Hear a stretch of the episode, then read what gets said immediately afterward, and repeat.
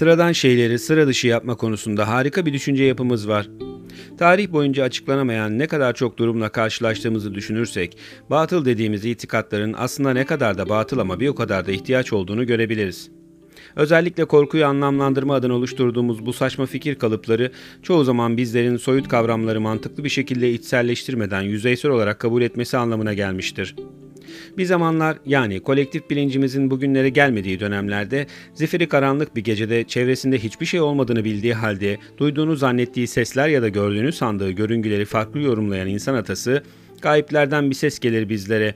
Aman ulu Manisa gözlere bak gözlere diyerek kendi kendine avutmak için bir takım kompülsiyonlar oluşturarak rahatlamayı ve bu korkuyu görmezden gelmeyi öğrenmiş olabilir.''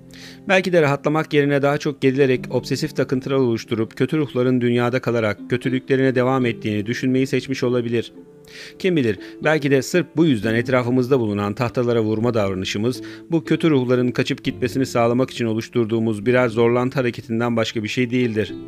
Vaktiyle iyi şans getirdiğine inanıldığı için meşe çınar gibi ağaçlara vurulması da bu zorlantının olumlama versiyonu olsa gerek. Ayna ayna söyle bana benden daha güzeli Grimm kardeşlerin en meşhur masallarından biri olan Pamuk Prenses ve Yedi Cüceler masalı, üvey annesinin güzelliğini kıskandığı masum kızın yok edilmek istenmesi ve kalıcı güzelliğin tek bir kişide kalması için sihirli aynaya sürekli sorulup tasdik edilmesinin anlatıldığı bir masaldır. Bu arada 18. yüzyılın sonları ve 19. yüzyıl ortalarına kadar yaşamış Wilhelm Grimm ve Jacob Grimm kardeşler köy köy kasaba kasaba dolaştığı bölgelerde o yöre halklarını dinleyerek kayıt altına aldıkları masalların bazıları Rapunzel, Uyuyan Güzel, Çizmeli Kedi, Kırmızı Başlıklı Kız. Bu masalların pek de masum hikayeler olmadığından bilinmesi gerekir. Bir kişiye çağının en güzeli olmak için bir aynanın ona dünyanın en güzel ünvanını verebilmesi ancak o aynanın sapa sağlam olmasıyla mümkün olur. Peki o ayna 40 parçaya bölünürse geri, geriye bahsi geçen güzellikten ne kalır?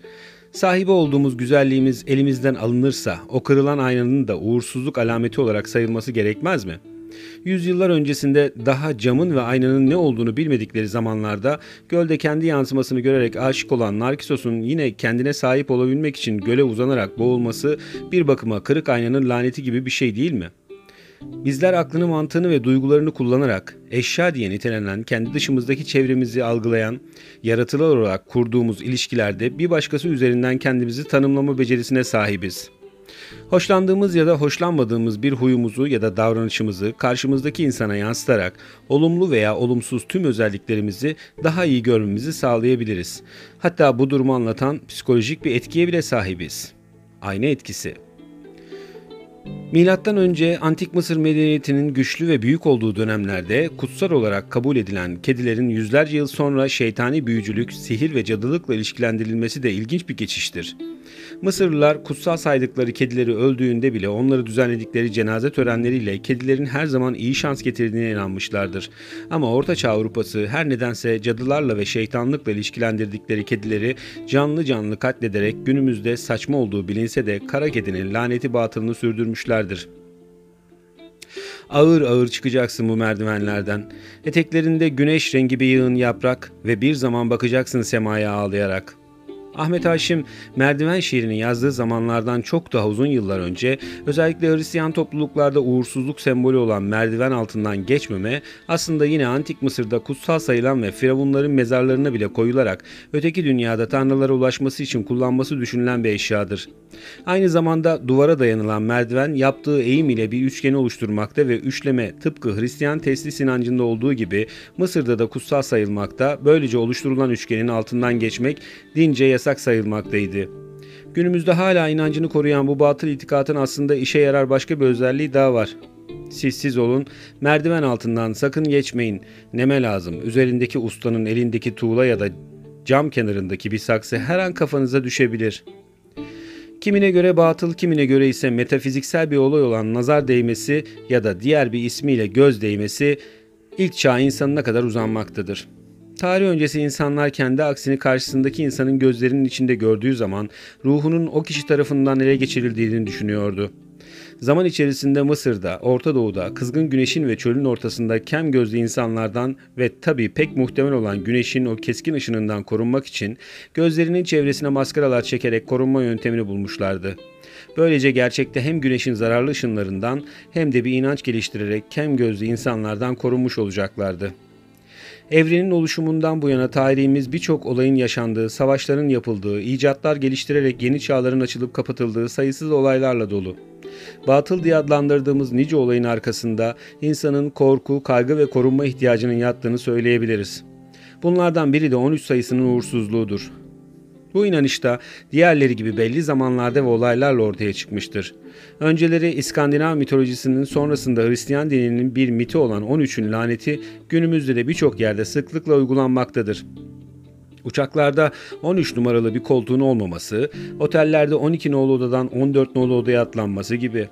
Gerçekte İskandinav mitolojisi içerisinde 12 tanrının yemek yemesi sırasında yeraltı ve kötülük tanrısı Loki'nin bu yemeğe gelerek tanrı Balter'i öldürmesiyle sonuçlanmasından sonra 13'ün uğursuzluğu kabul edilmiş, sonrasında Leonardo da Vinci'nin Son Akşam Yemeği isimli tablosuna da konu olan Hz. İsa ve 12 havarisiyle bir arada iken onlarla birlikte sayının 13 olması ve bu yemek sonunda Hz. İsa'nın çarmıha gerilmesi bu batıl inanışın dinsel olarak kendine yer bulmasına da sebep olmuştur.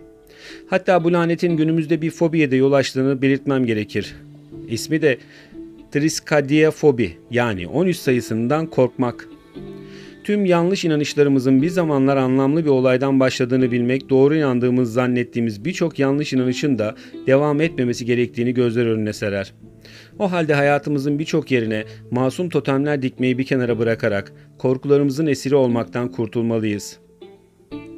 Sırf bizleri rahatlattığını düşündüğümüz tekrarlı ve tılsımlı sözlerden ya da davranışlardan vazgeçip sözler ritüellere bir son vermeliyiz. Bir zamanlar insanlar gök gürültüsü tanrısına inanır ve hava durumu her değiştiğinde kendilerinin lanetlendiğini düşünürdü. 75 yılda bir kez dünyaya teğet geçen kuyruklu yıldız hem bereketi hem de bir topluluğun mahvı anlamına gelebilirdi. 16. yüzyılda İspanyol denizci Hernando Cortes, Güney Amerikalı yerliler Azteklerle şimdiki Meksika'da yani tanışması ve onları yok ederek topraklarını ele geçirmesi de tıpkı yukarıda yazılan batıl bir takım inanışlar yüzünden olmuştur. Dönem itibariyle dünyanın evrenin merkezi kabul edildiği yıllarda Aztekler de dünyadaki diğer insanlardan izole bir şekilde yaşıyordu. İnanışlarına göre insan kurban ediyor ve bu kurbanları denizlerden geleceğini düşündükleri tanrılarını adıyorlardı. Ve tam da düşündükleri ve inandıkları gibi Cortez ve adamları denizden geliyor.